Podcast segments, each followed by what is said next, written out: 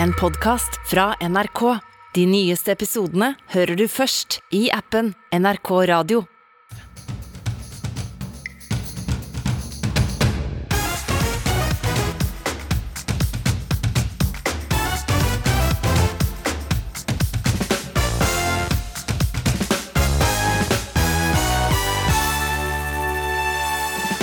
Matprisene øker. Det samme gjør køen for matutdeling på Fattighuset i Oslo. Rikke Helen er ufør og benytter seg jevnlig av tilbudet. Det blir enormt. Absolutt enormt. Mat er jo så dyrt.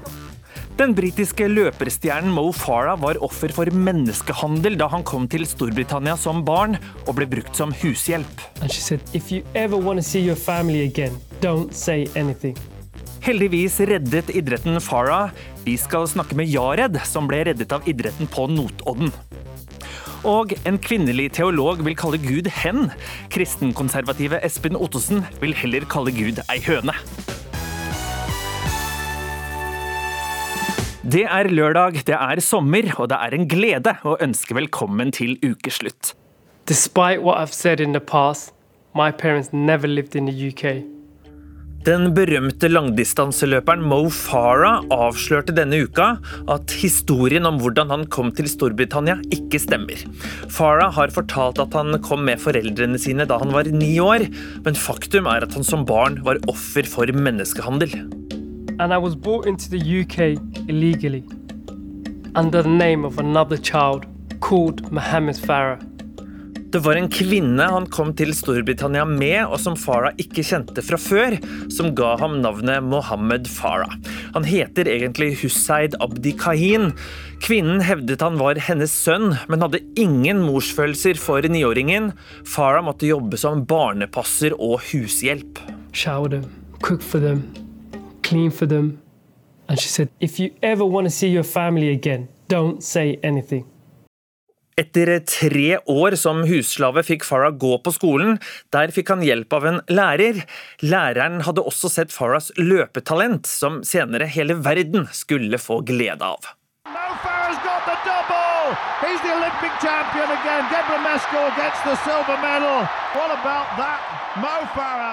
Her har Farah tatt OL-gull på hjemmebane i London.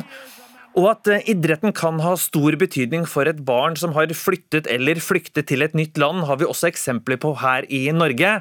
Velkommen til ukeslutt, Jared Seifu Kidane. Hallo. Du fyller 18 år neste uke. Du spiller bordtennis i førstedivisjon og har spilt på herrelandslaget for Norge.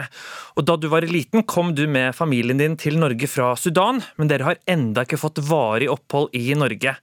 Selv om du ikke er offer for menneskehandel, er det noe i Mo Farahs historie du kjenner deg igjen i? Uh, jeg kjenner at det er frykt uh, med tanke på at uh, med å reise tilbake til hjemlandet. jeg har kanskje ikke samme historie som han, men jeg føler vi har samme frykten. Og det er Jeg føler å bli sendt tilbake etter å ha oppnådd så mye her i Norge, er kanskje den største frykten for meg, da. Idretten har jo betydd svært mye for Mo Farah for å få seg et godt liv. Hva har idretten betydd for deg? Idretten har betydd alt for meg. Uh, her i bordtennis så har de blitt en familie for meg. da. Uten dem så hadde jeg absolutt ikke vært den personen jeg er i dag. Uh, det har jo gått fra å være en trøbbelgutt som pleide å slåss og, gjøre, og skuffe mamma og liksom hadde null venner og var bare trøblete, da. Til å være en gutt som har fått seg mange venner og eh, oppnådd veldig mye på bordtennisen. Og eh, fått en, rett og slett en familie her som, som har eh, tatt meg imot veldig godt, da. Dere bosatte dere på Notodden. Hvordan fant du veien til bordtennisen? Eh, jeg spilte litt på skolen, og så var det etter hvert så begynte eh, kontaktlæreren min, Annelise, å bli sånn, hva heter det eh, Få meg på mer på bordtennis og spille mer da, på skolen, og da fant jeg ut litt om bordtennis her i Notodden og klubben, og da begynte jeg, og etter det har jeg ikke snudd meg tilbake. Og Jared, vi har en overraskelse til deg, for vi har med oss Anne Lise Landsverk. Og? Eh, hei, eh, Annelise. Du var altså kontaktlærer for eh, Jared. Nå er du rektor ved Sætre skole på Notodden. Hva var det du så i Jared? Hei, Jared. Veldig hyggelig å høre på radioen. da. eh, jo, jeg så jo straks at den hadde teften på det her med ball, da. Og jeg skal vel innrømme det at jeg prøvde vel, Jared, å få deg litt med på det laget jeg trente i håndball, men det var liksom bordtennisen og bordtennisborda som fanga interessen din. Eh, og det var jo veldig gøy å se at du var så dedikert på å øve på småting. Sto lenge med småting for å få til skruer og sånn, husker du det? Det husker jeg. Mm. Og så brukte jo, vi hadde jo litt sånn, eh, som du sier, at det var jo litt trøblete og litt vanskelig med skolen, og brukte det som en type timeout, da. Og i hvert fall alle friminutta var ved det bordtennisbordet. Og det ble jo straks litt eh, spennende for de mindre elevene å stå og se på deg. Eh, Hva syns du, Annelise, om at han har kommet så langt i bordtennisverdenen? Jeg bare syns det er utrolig moro. Og eh, som Jared sier sjøl òg, at eh, Notodden bordtennisklubb har tatt den imot med åpne armer, altså. Det er utrolig moro å følge med. Eh, og, og se at han er lik, tar det veldig på høyt alvor, det han holder på med. Og det er masse trening bak det greiene her, altså. Jared, hvordan er det å få snakket med den gode, gamle kontaktlæreren her i ukeslutt? Det er veldig godt å høre fra henne, for hun var jo favorittlæreren min den gangen. Og det er hun fortsatt. Det er koselig å høre, Jared. Har du et ønske for framtida og livet hans, eh, Annelise? Du, jeg har et ønske om at han når så langt i bordtennis han bare kan, og at han kan spille internasjonalt med det norske flagget på brøstet. Det hadde vært utrolig bra. At en har- det bra i livet ellers òg. Og hva med deg, Jared? Hva er framtidsdrømmen? Er det å lykkes som Farah? Det er å spille for Norge, da.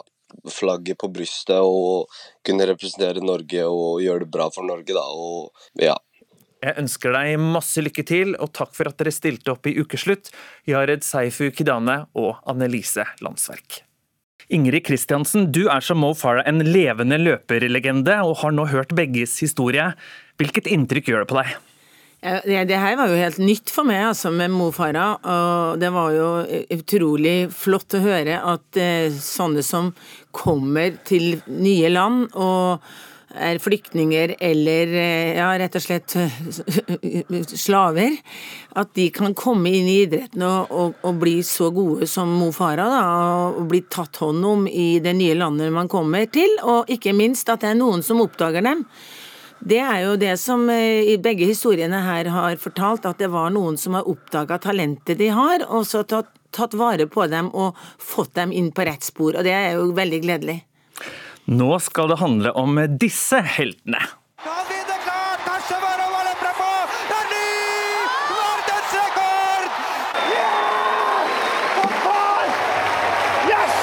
Han er fullstendig suveren!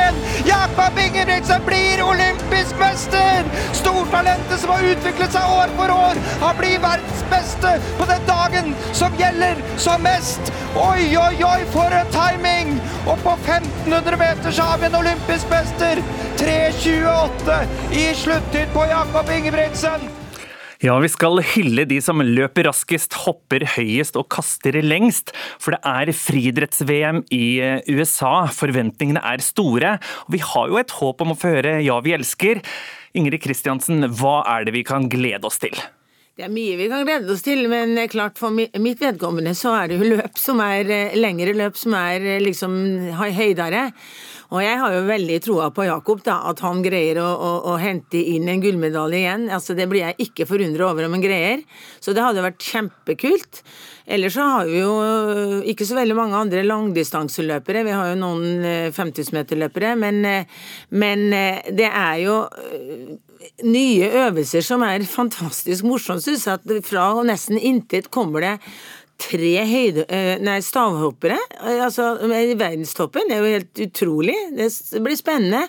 Og så har vi noen, ja, disse jentene, som også kan hevde seg bra. Selvfølgelig, dette her er jo en verdensidrett. Og da er det litt verre eh, å, å, å sanke inn gullmedaljer, så det må vi ikke bli skuffa om vi ikke får. Men det er jo da sånn at våre største medaljehåp og fremste utøvere er menn. Ingebrigtsen og Warholm, for å nevne noen. Hva tenker du om det?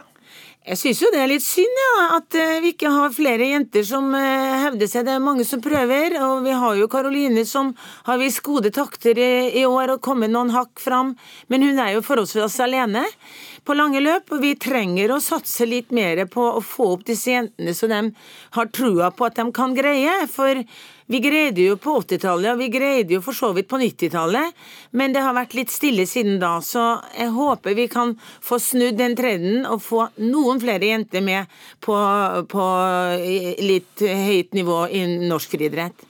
Vår forrige storhetstid i friidrett var jo på 90-tallet, med Trine Hattestad, Vebjørn Rodal, Steinar Hoen, for å nevne noen. Nå virker det som vi har fått en ny. Hvor stas er det? Alltid stas med eh, en ny eh, opptur for norsk idrett, og jeg er jo veldig eh, begeistra for at det blir en opptur for norsk friidrett. For da blir for friidretten blir satt litt mer på kartet. Flere barn og ungdom blir mer interessert i friidrett. Om det er løp, eller om det er kast, eller om det er hopp. Så, så det har veldig mye å si for idretten vår at det er flere kanskje som ser det, og ser at nordmenn kan hevde seg, og da blir det kanskje noe som flere barn og ungdom har lyst til å prøve seg på. For de som ikke følger friidrett så mye til vanlig, hvorfor skal de tune inn de neste ti dagene? Fordi at det er eh, spektakulær idrett på veldig mye forskjellige øvelser. Så om du liker løp, så kan du se på løpsøvelser. Du behøver ikke å se på kast og hopp. Kanskje motsatt. Du løp, liker å se på kast og hopp, og, og kutte ut alle disse lange, treige øvelsene som noen syns 25 runder på en bane kan være litt kjedelig å se på. Så det er, friidretten har så mangt, så det er, det er egentlig noe for enhver smak, vil jeg si måtte det glinse av gull for atletene våre de neste dagene. Takk for at du var med i Ukeslutt, Ingrid Kristiansen.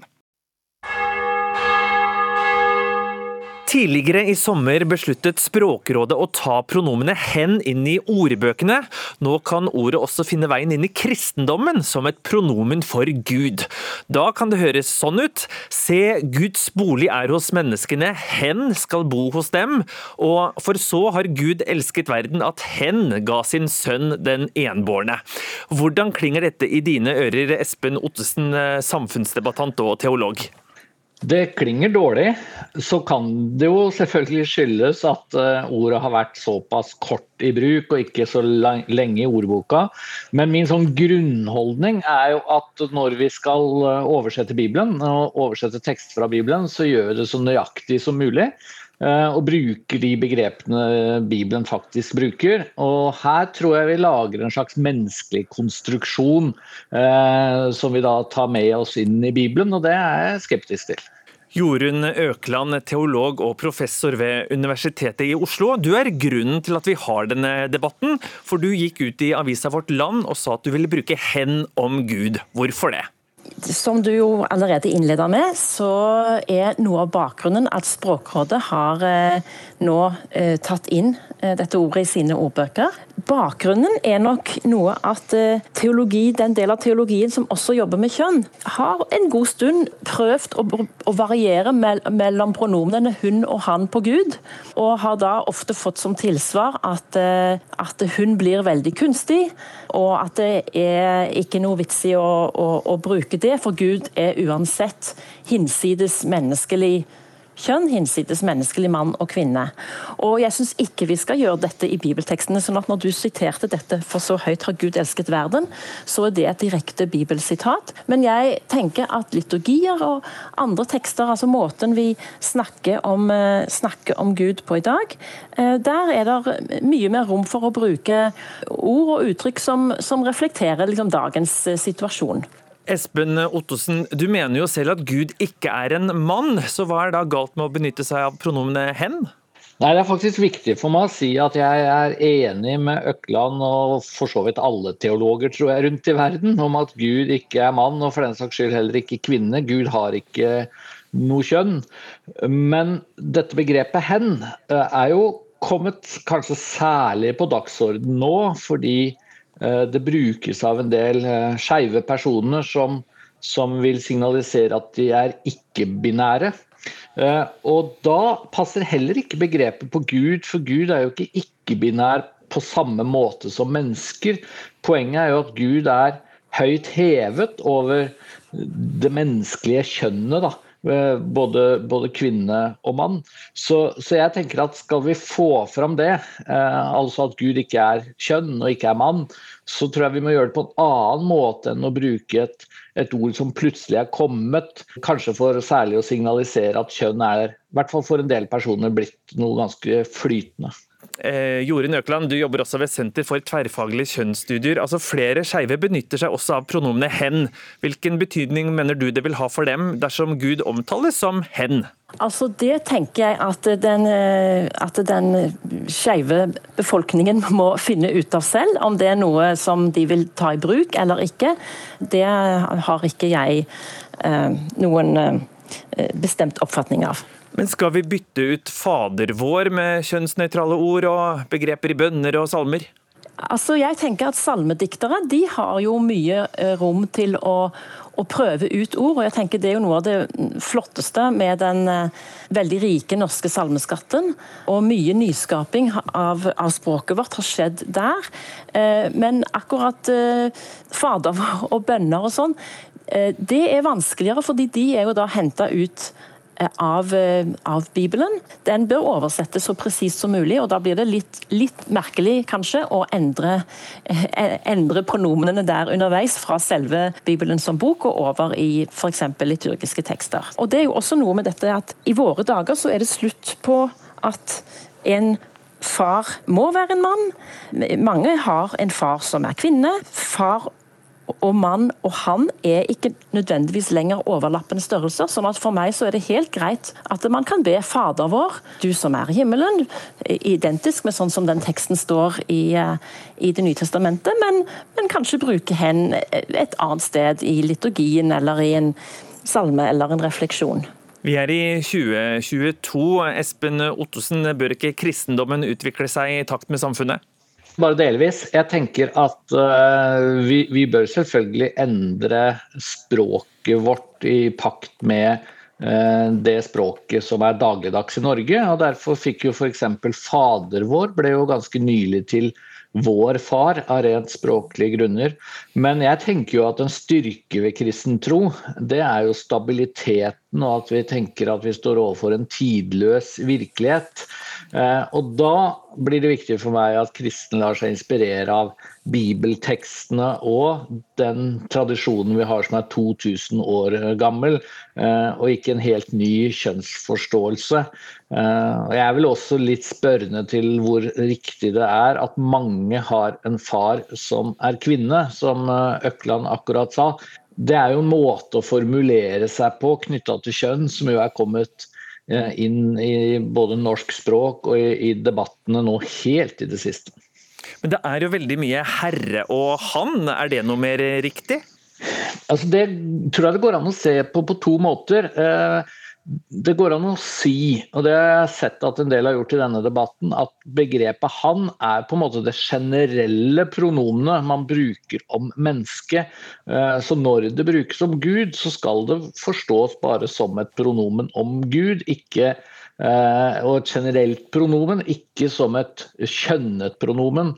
Eh, og jeg holdt på å si, Hvis jeg skal overraske litt helt på slutten, så tenker jeg at at det er virkelig viktig at vi også eh, som prester og predikanter bruker også feminine metaforer om Gud. Bibelen sammenligner Gud eh, et sted med en ammende kvinne som, som, ikke er i stand til å glemme sitt barn.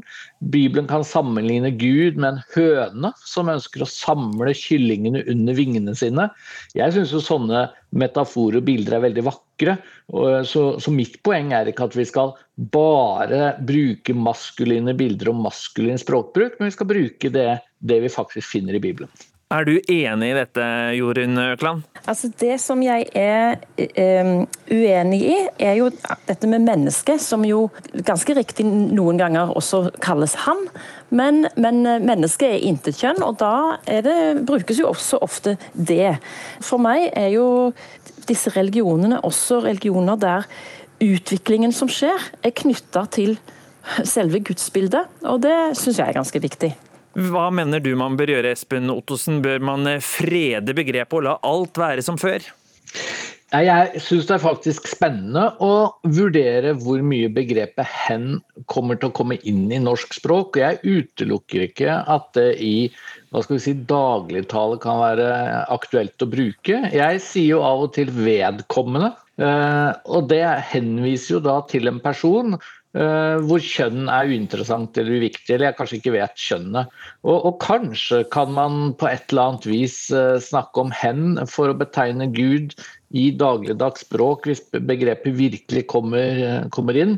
Men, men, det som er min, mitt hovedanliggende, er jo at det å bytte ut slitesterke begreper, formuleringer som er direkte hentet i, fra bibeltekster og som har funnet sin plass i liturgier. Å bytte de begrepene ut med 'hen', det er for meg å gjennomføre et slags politisk korrekt prosjekt som jeg ikke syns teologien skal utsettes for. Vi lar det være siste ord. Jeg sier takk til han og henne for at de tok debatten om hen i ukeslutt, Jorunn Økland og Espen Ottesen. Hvilket pronomen syns så du som lytter at vi skal bruke om Gud? Gå inn i appen NRK Radio og gi oss din mening nå! Sommeren er godt i gang, og nordmenns ferieutfart til utlandet likeså. De fleste av oss har ryddet bort munnbindene og fått pandemien litt på avstand, til tross for en del smitte her i landet. I flere land, både i Europa og verden for øvrig, der nordmenn nå er på vei, er koronasmitten på vei opp igjen. Ukeslutt satte seg på et virtuelt fly ut i verden for å sjekke hvordan ståa er.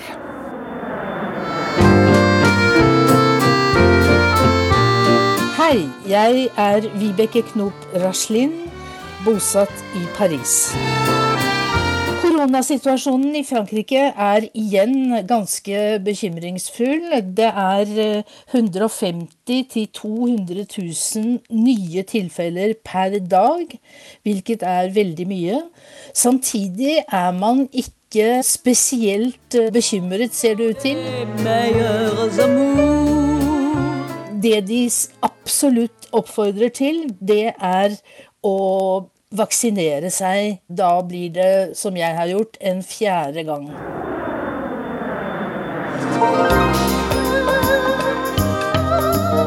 Hallo, eh, jeg heter Anette Yamamoto Hansen og bor like utenfor Tokyo. Akkurat nå så er vi faktisk inne i den, eh, det de kaller den syvende bølgen. Da. Denne uken her har det vært nye rekorder. Jeg tror det ligger på rundt 10 eh, 000 tilfeller om dagen ca. i Tokyo. da.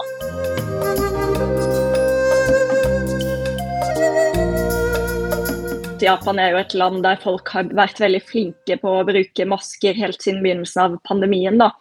Men nå ser vi på en måte det at uh, folk er litt maskelei, kanskje. Og at mens man på den ene siden gjerne har på seg masken som et slags tegn på at man tar dette her alvorlig, da, så er det gjerne sånn at med en gang man kommer inn på en restaurant og setter seg ned uh, og bestiller, så er det på en måte av med masken, da.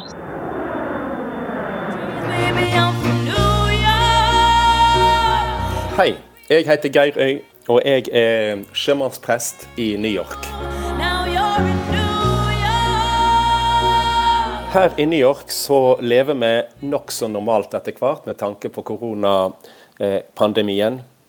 Det kravet som henger igjen, eh, det er at vi må bruke munnbind på, på offentlig kommunikasjon. Eh, jeg ser det er en del som slurver på T-banen, men veldig mange har munnbind. Her kan du ta koronatest mange plasser rundt i byen, så de sitter i sånne små partytelt, og så har de teststasjon i, i en bil som står parkert.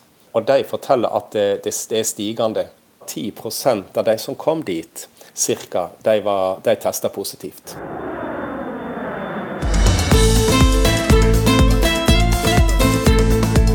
Ja, mitt navn er eh, Karin Molle Christensen. Jeg bor i Barcelona. I begynnelsen av koronaen var det veldig strenge regler, egentlig. Fremdeles må vi ha eh, munnbind på, f.eks. på apotek og på sykehus når vi skal til legen. Men det er også veldig mange mennesker som fremdeles går med munnbind når de skal på innkjøp. Vanligvis så er ikke folk så redde for, kan man si, som man var i begynnelsen her, for å bli smittet. For de regner med at smitten ikke innebærer for alvorlige konsekvenser. da.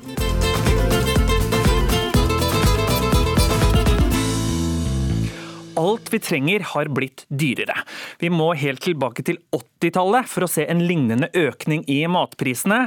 Dette rammer barnefamiliene og de med lav inntekt aller hardest. Vår reporter Susanne Njølstad Skansen ville finne ut hvordan de får endene til å møtes. Ah, ja, 50 kroner for bringebærsyltetøy. Maten, den tingen vi trenger hver dag, har blitt dyrere. Det gjør at småbarnspappa Benjamin Finnøy Andersen, i likhet med mange andre, må tenke seg litt mer om når han vandrer mellom butikkhyllene i Kristiansand sentrum. Men prissjokk det fikk Benjamin allerede som 17-åring. Da var han med i NRK-programmet Teenage Boss, hvor han skulle forvalte hele familiens inntekt i én måned. Stil. Yeah. Kos deg med sekskronersbrød. Ok, Om det brødet her ikke smaker noe godt, kjøp deg andre neste uke. oh my god. Kjøtt er dyrt. Um, men hvis du tar kyllingkjøttdeig isteden 20 kroner. Oh yeah! Det blir pannekaker en dag, eller vafler en annen dag. Vafler til middag? Yeah. Nå har Benjamin blitt voksen og hakket mer fornuftig. Teenage Boss for ti år siden lærte meg mye om eh, pengebruk og pengevaner. Eh, man ser at eh, som en tenåring tenker man at 'oi, pappa tjener mye penger'. Så mye penger inn på kontoen. Eh, og så tenker man ikke over alle disse utgiftene som lån og mat og, og eh, transport, videre ting. Benjamin sin familie består av en kone og to barn på ett og tre år. De er på ferie, men dattera Anastasia er med på FaceTime for å hjelpe til med handlinga. Her har vi Her har vi bringebærsyltetøy til 50 kroner, Anastasia. Syns du den er god? Ja! Ja, Pappa syns også den er veldig god, for det er 80% bringebær i den. Eh, men så ser pappa også at det er en annen syltetøy her som nesten er til halve prisen. Men Anastasia, den har bare 40% bær i seg. Skal pappa kjøpe dyr bringebær, eller skal pappa kjøpe billig bringebær og ha råd til bensin på veien hjem igjen? Bringebær. Skal pappa den, kjøpe den dyre bringebæren? Ja, det Ja, pappa er litt usikker. I gjennomsnitt har mat og drikke blitt 5% dyrere i løpet av det siste året. Vi må altså betale 5 kroner per hundrelapp vi bruker i butikken. Det høres kanskje ikke så mye ut, men i lengden kan det bli en del. Det forklarer seksjonsleder for prisvekst, Espen Kristiansen ved Statistisk sentralbyrå. For hver enkelt handlekurv så er det jo ikke så mange kroner det er snakk om. Men uh, hvis du ser det her over en måned, så, så blir det jo litt penger likevel. Ja et litt sånn nøkternt uh, mat- og drikkebudsjett for, for, en familie på fire er eh, omtrent 11 000 kroner i måneden. Eller var det i 2021? Og en økning på, på 5% oppå det, det er jo da 550 kroner i måneden. Så det, det blir jo en, en liten å av de små bekkene hver gang man går og handler. I familien til Benjamin er det bare han som tjener penger, og de har derfor litt mindre å rutte med enn gjennomsnittsfamilien. De med lavere inntekt rammes ekstra hardt av prishoppet. Men hvorfor er det sånn? Espen Kristiansen har svaret på det også. For det første så bruker de en høyere andel av den inntekten de har, på mat. Og for det andre så har jo de som, som har liten inntekt, de har, de har lite rom for å, å, gjøre om på forbruket sitt. De som har mer penger, de har litt mer muligheter for å kutte ned på noen type forbruk, eller kanskje spare litt mindre. Men, eh, men for de som har minst, så, så, er det færre sånne muligheter. Stadig flere opplever at pengene ikke strekker til. Det merker de frivillige som deler ut mat på Fattighuset i Oslo. For hver uke blir køa litt lenger. Du ser det på køen at det er endringer i samfunnet køen eh, begynte skikkelig med korona, og så var det i strømprisene, så de ukrainske flyktningene, og nå høyere matpriser, da.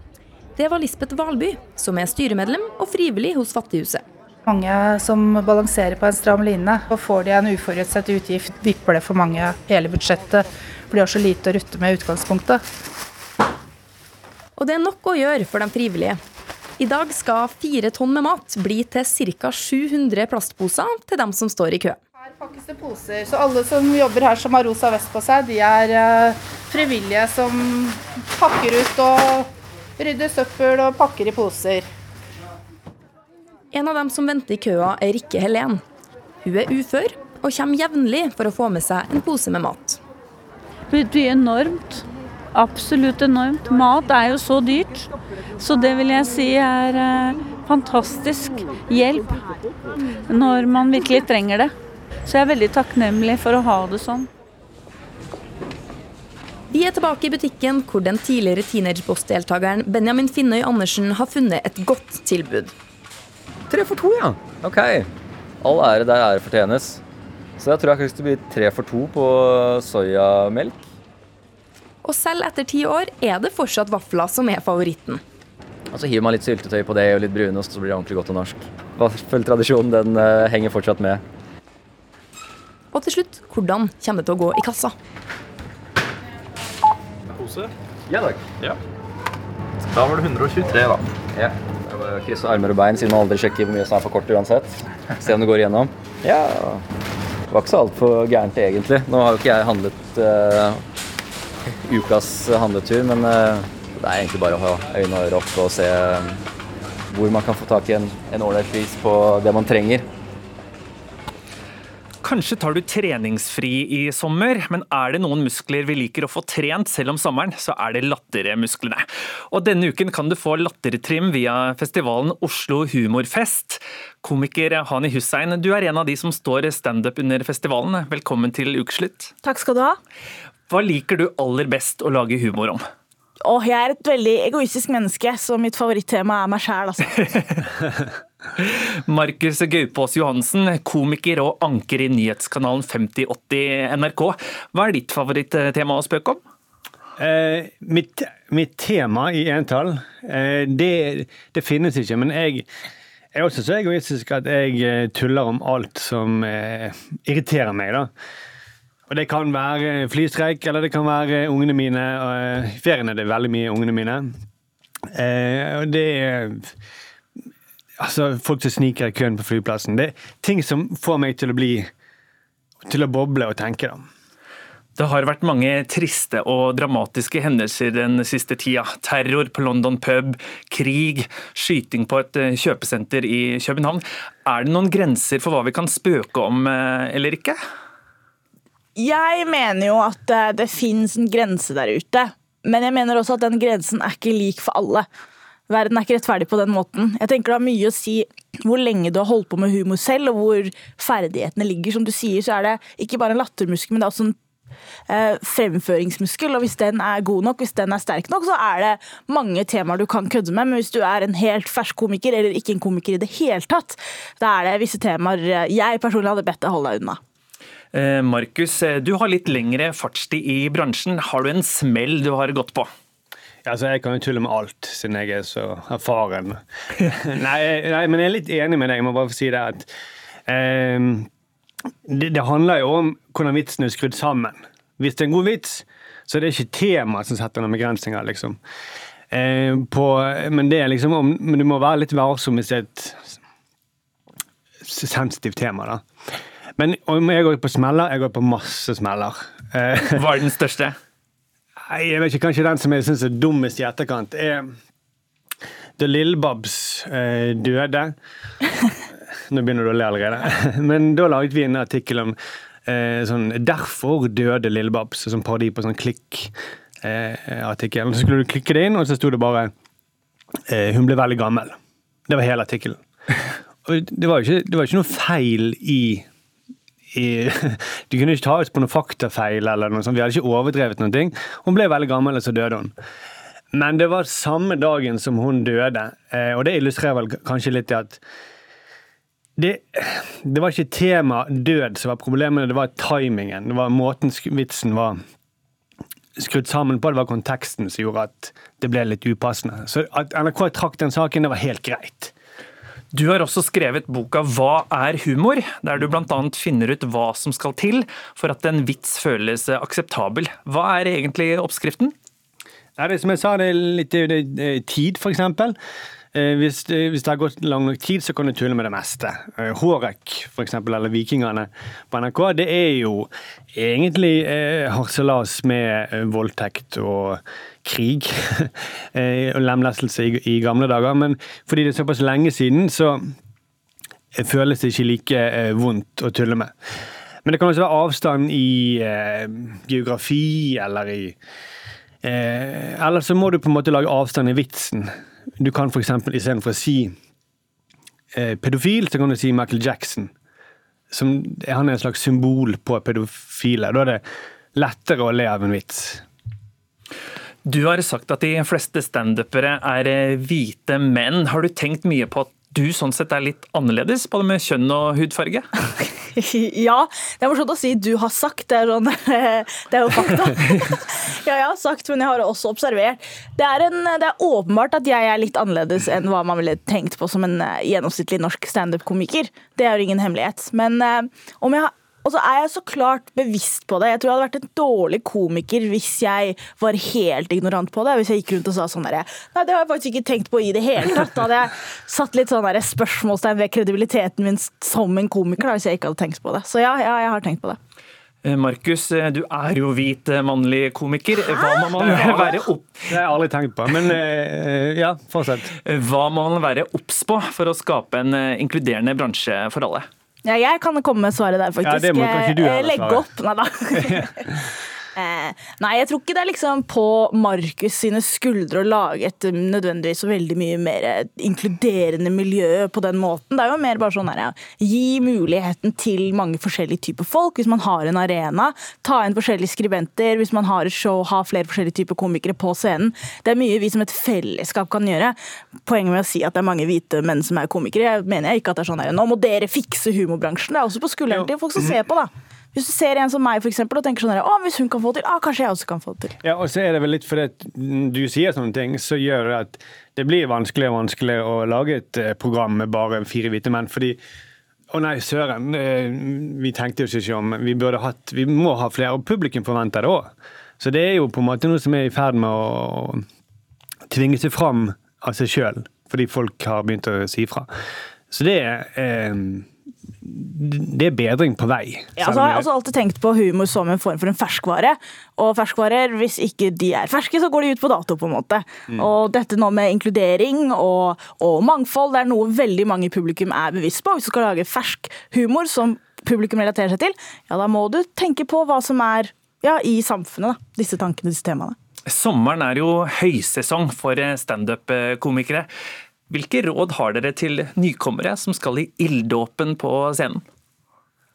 Jeg, jeg kan ikke standup. Det, det, det er ditt felt. Eh, men det å være morsom er jo veldig lurt. da. Vær morsom er veldig viktig. Jeg husker jeg så en sånn eh, Whitney Cummings er en amerikansk komiker, og hun hadde skrevet en sånn der lang eh, Twitter-rant om at det er veldig at komikere det er vår oppgave å kommentere på hva som foregår i verden, ta opp de tøffe temaene, snakke om det folk ikke har lyst til å snakke om. Og så svarte Mark Maron ja, men vi skal også være morsomme, da. så det er liksom det viktigste, tenker jeg. Vær morsom. Men så er det også at det er ingen hemmelighet. Det er en veldig enkel måte å bli bedre på, og det er bare å gjøre det. Så du må stå på en scene for første gang, og så må du stå på en scene for en andre gang, og tredje gang, og tiende gang, og 44. gang, og 80. gang. Og kanskje etter at du har stått 632 ganger, da begynner du å merke at oi, kanskje jeg er litt morsom. Og da kommer du på ukeslutt for å eh, måtte svare på kan man tulle med alt. Ikke sant? Det kan også skje deg der hjemme hvis du bare står på scenen nok. Måtte dere begge skape latter og leven i tida framover. Og god standup-sommer, Hani Hussein og Markus Gaupås Johansen. Takk. Foreldre har gått av skaftet. Unger eh, må klare seg mer selv. Det mener stortingsrepresentant fra Høyre, som fikk hakeslepp på fotballcup. Et voldsomt angrep fra en som åpenbart har glemt alt, svarer daglig leder for turneringen. En ny TikTok-trend oppfordrer oss til å sole oss når UV-strålene er på sitt sterkeste. Vi skal snakke med meteorologen om hvor i Norge sola er farligst. Og vil hetebølgen komme til oss eh, også?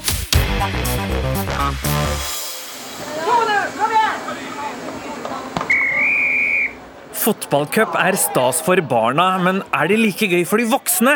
Foreldre syr puter under armene på barna i større grad nå enn før, mener Høyres stortingsrepresentant Margret Hagerup.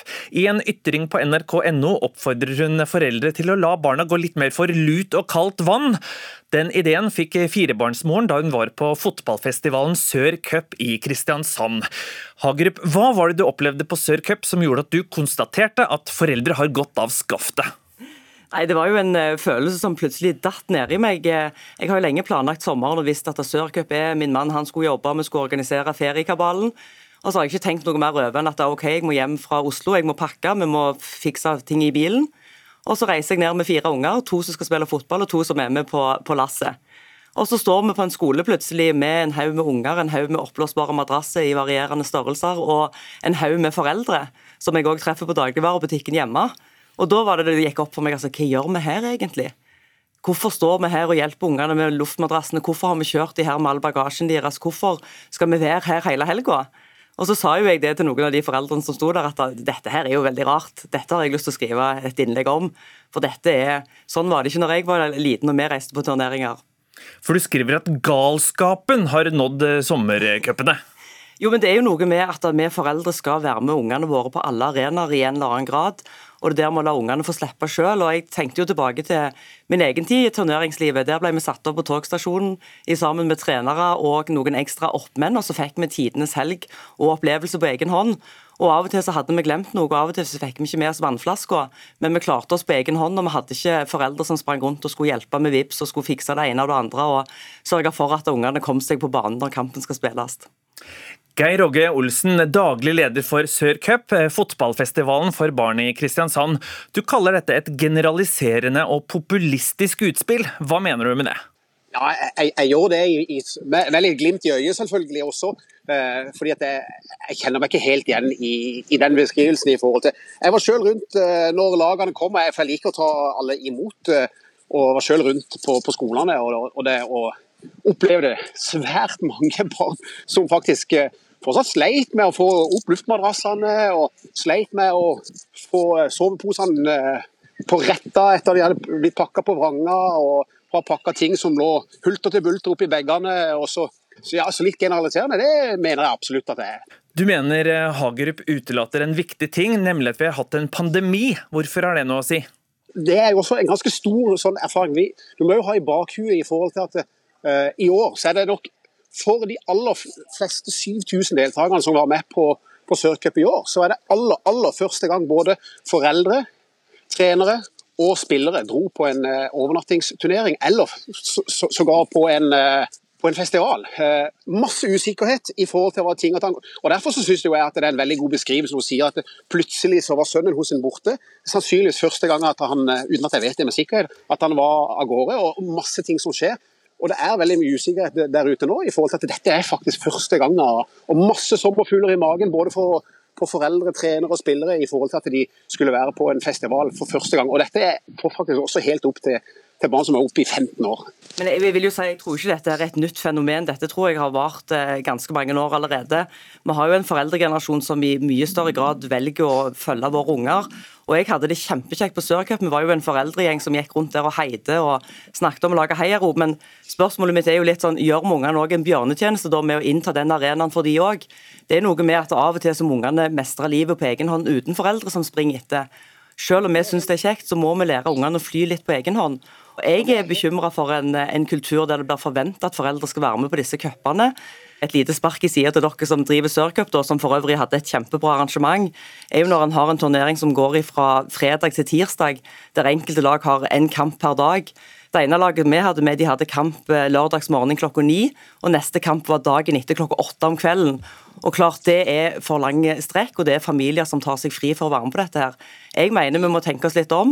Er det et sånn et samfunn vi vil ha, eller skal vi la ungene få lov å springe litt selv på fotballbanen og reise på turneringer? For vi har alle vært der selv en gang. Det har du helt rett at vi alle har vært der selv en gang. Og er kanskje en av de med lengst fartstid i forhold til det med turneringer, i forhold til det å arrangere turneringer. Og, i forhold til det. Og jeg, jeg, opplever også at du sier at på 90-tallet så, så, dro ungene alene. Det stemmer ikke i, med realiteten helt. Jeg har selv vært trener og vært på turnering. Jeg har vært på Norway Cup med et lag på på midten av 90-tallet, hvor jeg reiste med 16 spillere. 15 av spillerne hadde med seg alle sine foreldre på. Så dette er ikke noe nytt fenomen at foreldre drar med. Jeg husker selv når jeg var av gårde på turnering på 80- og 90-tallet, så var også foreldre med. Så dette er jo ikke noe nytt fenomen i det hele tatt. Nei, Når du sier i forhold til, når du sier i forhold til det med, med at det er lang tid mellom kampene, ja det, det er jo selvfølgelig en kritikk vi kan ta på oss sjøl, men nå var faktisk det et ønske fra Frøyland sin, sin side denne gangen for at de også skulle få muligheten til å kunne oppleve noe. For vi er mye bedre barn enn fotballcup. Vi ønsker å vise fram Sørlandet på en fantastisk fin måte, og det håper jeg selvfølgelig at de til. Men det er begrenset hvor mange dager en kan gå i Dyreparken og badeland eh, når en skal være på turneringslivet. Men bra at dere tar den. Men klart, det var jo foreldre som var med før på fotballturneringer, var med i større grad enn andre. Men nå har jo regelen blitt heller at du er med. Og jeg fikk en del, har fått en del tilbakemeldinger fra foreldre som har kjent liksom på den dårlige samvittigheten på at de ikke var med ned til Sørcup denne helga. Og det mener jeg foreldre på ingen måte skal ha. Og jeg tror vi skal reflektere litt over Ungene har godt av å klare seg litt på egen hånd, både på treningene og på turneringer. Selv om vi foreldre syns det er veldig kjekt å følge med og se på hva de gjør. Jeg er helt enig at ingen foreldre skal ha dårlig samvittighet for at ikke de var med ungene. i forhold til, men, men jeg føler heller at ikke foreldre skal føle seg ille betatt. At de faktisk bryr seg om å, og dra for å heie fram ikke bare sine egne unger, men, men, alle unger. Men jeg er helt enig. Eh, det kan være et problem at det er for mye foreldre, fordi at det kan skape både unødvendig støy i forhold til eh, noen ubehagelige opplevelser rundt, rundt barn og sånn. Så det er klart, Skal foreldre være med, så må de lære seg å oppføre seg. Det, det, det, det er jo noe annet. Men det er jo en annen eh, diskusjon. Men hvis barna er hjelpeløse og foreldrene ikke hjelper dem, blir det ikke da en byrde for trenerne, Hagerup? Nei, altså det mener jeg er en viktig del av oppdragelsen. Det å lære seg å leve livet er jo å kunne klare seg selv. Det er jo derfor eh, jeg har skrevet i innlegget mitt PS jeg kan gjerne være med som oppmann og være med og hjelpe trenerne. For det vil jeg jo si at Trenerne gjør jo en kjempejobb året rundt med å trene mine unger og andre sine unger. og De trenger òg hjelp, for de bruker av sin ferie til å være med på disse turneringene. Vil du ha med Hagerup, eh, Geir Åge Olsen? Selvfølgelig!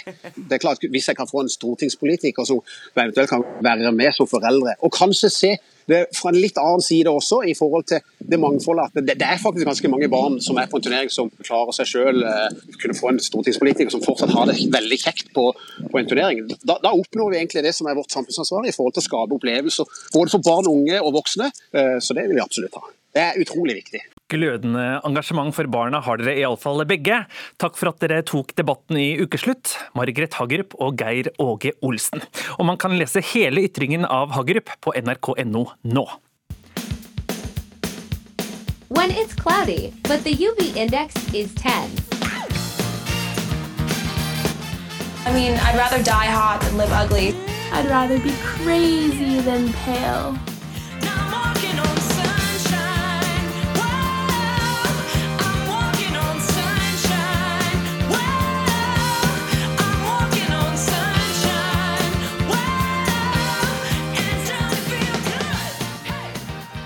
Jeg vil heller dø pen enn å leve stygg.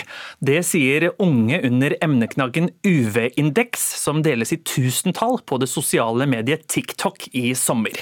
Trenden går ut på at man soler seg når solen og UV-indeksen er på sitt sterkeste, for å bli så brun som mulig.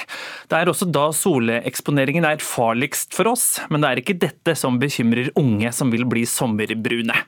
Silje Akselsen, tidligere ambassadør for Kreftforeningen. Du kan kjenne deg igjen i ønsket om å få mest mulig farge. Hvordan var dine solrutiner som ung?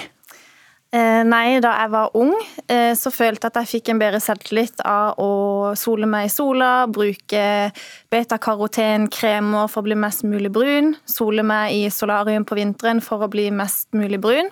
Og jeg følte at jeg fikk en veldig sånn selvtillit av å være solbrun. Så jeg tenkte ikke noe over egen helse eller hvordan det kunne påvirke meg. All denne solingen førte til at du i 2018 fikk føflekkreft, med 90% sjanse for å dø innen fem år. Hvordan var det å få den beskjeden? Nei, det var jo helt ekstremt. Jeg var 26 år gammel og levde mitt beste liv og skulle reise til Barbados og kose meg. Eh, og fikk den beskjeden og tenkte at nå er livet over, nå skal jeg dø. Og fikk ganske sjokk, for jeg visste ikke at eh, sol og solarium kunne føre til at jeg nesten, eller egentlig skulle dø, da.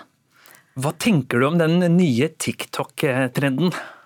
Nei, jeg synes jo at det er helt forferdelig at eh, folk setter helsa si på spill for å bli mest mulig solbrun, og at det blir en sånn konkurranse om å ha det sterkeste skillet.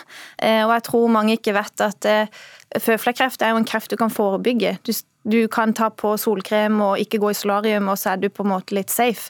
Så det at folk legger seg under sola for å bli mest mulig solbrun, syns jeg er veldig ille. Hva kan man gjøre med å få bukt på den trenden, tenker du? Uff, det er vanskelig, men det er jo å snakke om det sånn som vi gjør her i dag, og få fokus på det. Kanskje noen unge jenter eller mødre og fedre sitter og hører dette og kan snakke til eh, barna sine, eller at man er åpne om det i sosiale medier, eller at man får litt fokus på det da, og blir et motsvar til det som skjer på TikTok nå. Gjennom kampanjen Bare bli fra Kreftforeningen så har du delt din historie for å hindre at andre skal gå gjennom det samme. Hva er dine viktigste råd? Mine viktigste råd er nummer én å bruke solkrem. Faktor 30 eller faktor 50. Kjøp solkrem på apotek som er kvalitet og gode solkremer. Eh, hold deg eh, unna sola mellom 12 og 3, det er jo da UV-indeksen er ofte høyest. Eh, bruk et plagg, ligg i skyggen, ta på en caps. Eh, og for all del, ikke ta solarium, det er bare tull. Så det er mine hovedråd. Nå skal iallfall jeg huske solkremen i sommer. Tusen takk for at du kom til ukeslutt, Silje Akselsen. Takk. Nå, mine damer og herrer, skal vi avsløre hva dere mener i debatten om Gud og hen. For vi spurte jo hva dere syns at Gud skal bli omtalt som. Han, hun eller hen. Og tallenes tale er en knapp seier til pronomene han med 48% over hen med 43% Det er tydeligvis bare 8% av dere som stemte, som vil bruke hun. Tusen takk til alle som deltok. Statsmeteorolog Bente Wahl, hvordan er det med strålefaren her til lands? Ja, Den er jo størst når det ikke er skyer, men eh, nå på sommerstid så er det jo da ved vannet at eh, UV-strålene er sterkest. og Det skyldes jo at eh, vannet reflekterer UV-strålene. Vi er jo kanskje mest opptatt av UV-strålingen her i sånn påsketider, for da er folk bleike, og ikke minst har vi snø, så da har du den refleksjonen også på fjellet. Der er jo ikke problemet like stort nå, men der er det til gjengjeld nærmere sola. Så det er fortsatt da fjellet, men kanskje spesielt sjøen. og Det har jeg merka godt i sommer, at sola tar veldig mye mer. Da får du stråling både ovenfra og og underfra av det som kommer ned til vannet og reflekteres tilbake. Så da kan du faktisk bli litt solbrent under haka også. Stråling er én ting, men varmen har jo også slått innover Europa. Hvordan ser det ut de nærmeste dagene? Ja, Den hetebølgen i Vest-Europa den ser jo ut til å vedvare ganske lenge. Den har jo vart lenge og den eh, er på vei videre nordover. Når eh, Storbritannia opp mot 30 grader i morgen, men eh, de venter jo opp mot 40 grader der mandag og tirsdag. Så får nok faktisk vi også merke litt av den tirsdag og onsdag. Så Vestlandet som har det ekstremt kaldt, vil jeg si nå, de har mulighet til å få rundt i hvert fall 25, kanskje opp mot 30 grader en dag eller to. Så litt blaff av denne varmen kommer nok nordover hit også. Ja, for det er eh, sikkert mange her til land som gjerne skulle hatt noen av disse varmegradene man har sør i Europa. Hvordan blir været denne helgen? Ja, denne helgen så tror jeg det er mange som ønsker seg litt av den varmen. For det er mange som har det kjølig. Ikke på Spitsbergen, for der er det en 15-16 grader. Det er østavvind. Ganske fint i Longyearbyen i dag, men i morgen så må de nok regne med litt regn. Troms og Finnmark, der er det en ny runde med nedbør på gang. Kommer inn i Finnmark nå utover ettermiddagen, og den skal også inn i Troms i morgen. Så der er det en ny runde med ganske mye nedbør. Blir også en del vind. men nordvest kuling da i Finnmark etter hvert. Og så blir det mer sørvestlig vind i morgen, og bare en, eh, rundt 9-10 grader i Tromsø. Nordland får også regnbyger, her er det også kjølig. Det blir nordvestvind i dag, sørvestlig vind i morgen, og da kommer det en ny nedbørrunde inn på Helgeland. Og så blir det kanskje noen sånn midt i Nordland som får litt grann sol. Trøndelag de har bare også så vidt over 10 grader. Her er det også kjølig med regn og regnbyger. Fortsetter med det i morgen. Ikke så mye nedbør på Vestlandet i dag, men eh, der kommer det også ny nedbør inn i morgen morgen og fortsatt ganske kaldt da. Eh, kanskje man kommer opp i 14 grader i Bergen.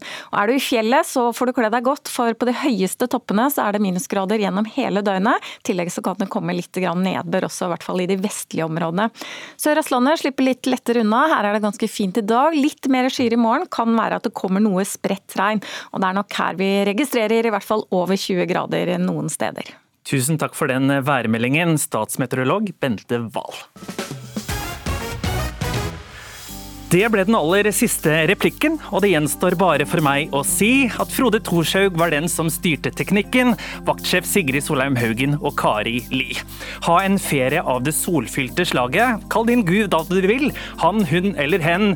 Knut Øyvind Hagen takker herved for laget. Vi høres riktig så snart igjen.